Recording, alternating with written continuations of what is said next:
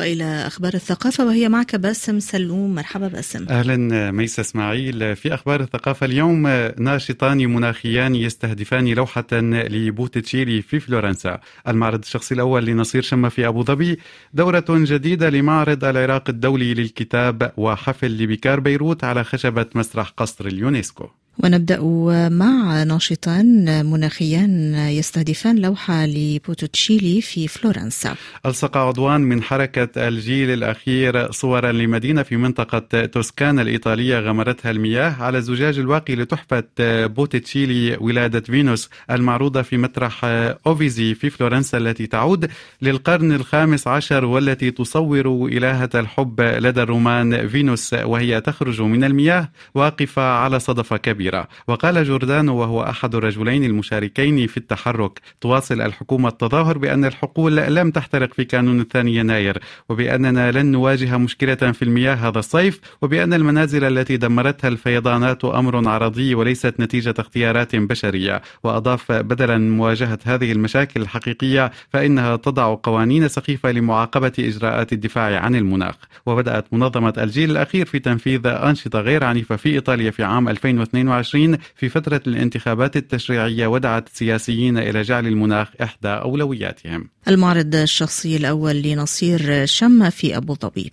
بعنوان رؤية وحياة أربعون عاما من الألوان أطلق أستاذ العود العربي الفنان العراقي نصير شمة معرضه التشكيلي الأول الذي جمع فيه أكثر من ستين عملا فنيا أنجزها خلال السنوات الماضية. وافتتح المعرض الذي يستضيفه جاليري الاتحاد بأبو ظبي في الحادي عشر من فبراير ويستمر حتى الثامن من مارس آذار المقبل. ويتضمن مجموعة متنوعة من الأعمال الفنية ذات الطبقات المتراكبة والسطوح الغنية والكثيفة بعض الخامات المستخدمة فيها تأتي أغلبها من صناعة آلات العود ومخلفاتها في بيت العود بأبو ظبي حيث يستخدم نصير شم المخلفات لإعادة إحياء واستخدام مادة الخشب الطبيعي.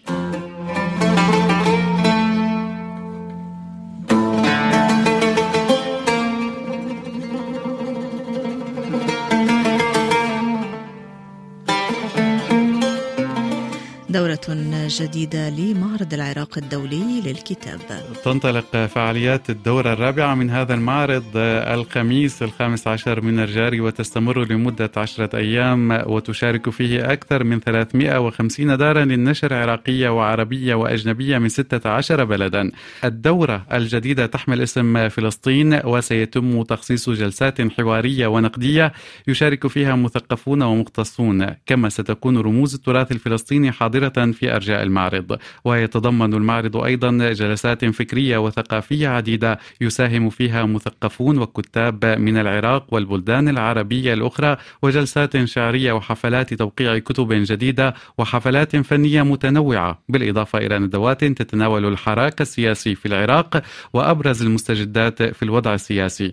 كما ستشارك مؤسسات ثقافية وفنية عراقية في المعرض من خلال برامج لها وأجنحة خاصة تعرض فيها نتاجاتها الثقافية. حفل لبيكار بيروت على خشبة مسرح قصر اليونسكو. عناق. هو عنوان الحفلة الغنائية التي تحييها بيكار بيروت على خشبة مسرح قصر اليونسكو في العاصمة اللبنانية في الثالث والعشرين من شباط فبراير الجاري. السهرة تقام بالتعاون مع جمعية بادر وستتضمن مختارات من أعمال تمزج بين الطرب والتراث تقدم فيها الفرقة الموسيقى التقليدية والأغاني التراثية والطربية العربية الأصيلة بتوزيع جديد. تفوتنيش أنا وحدي. تفوتنيش أنا وحدي ما تفوتنيش أنا وحدي. أفضل حايل بيه ما تخليش الدنيا تلعب بيا وبيه ما تفوتنيش أنا وحدي أفضل ومع فرقة بيكار بيروت نصل إلى ختام أخبار الثقافة لهذا اليوم. شكرا جزيلا لك باسم سلوم ولك شوية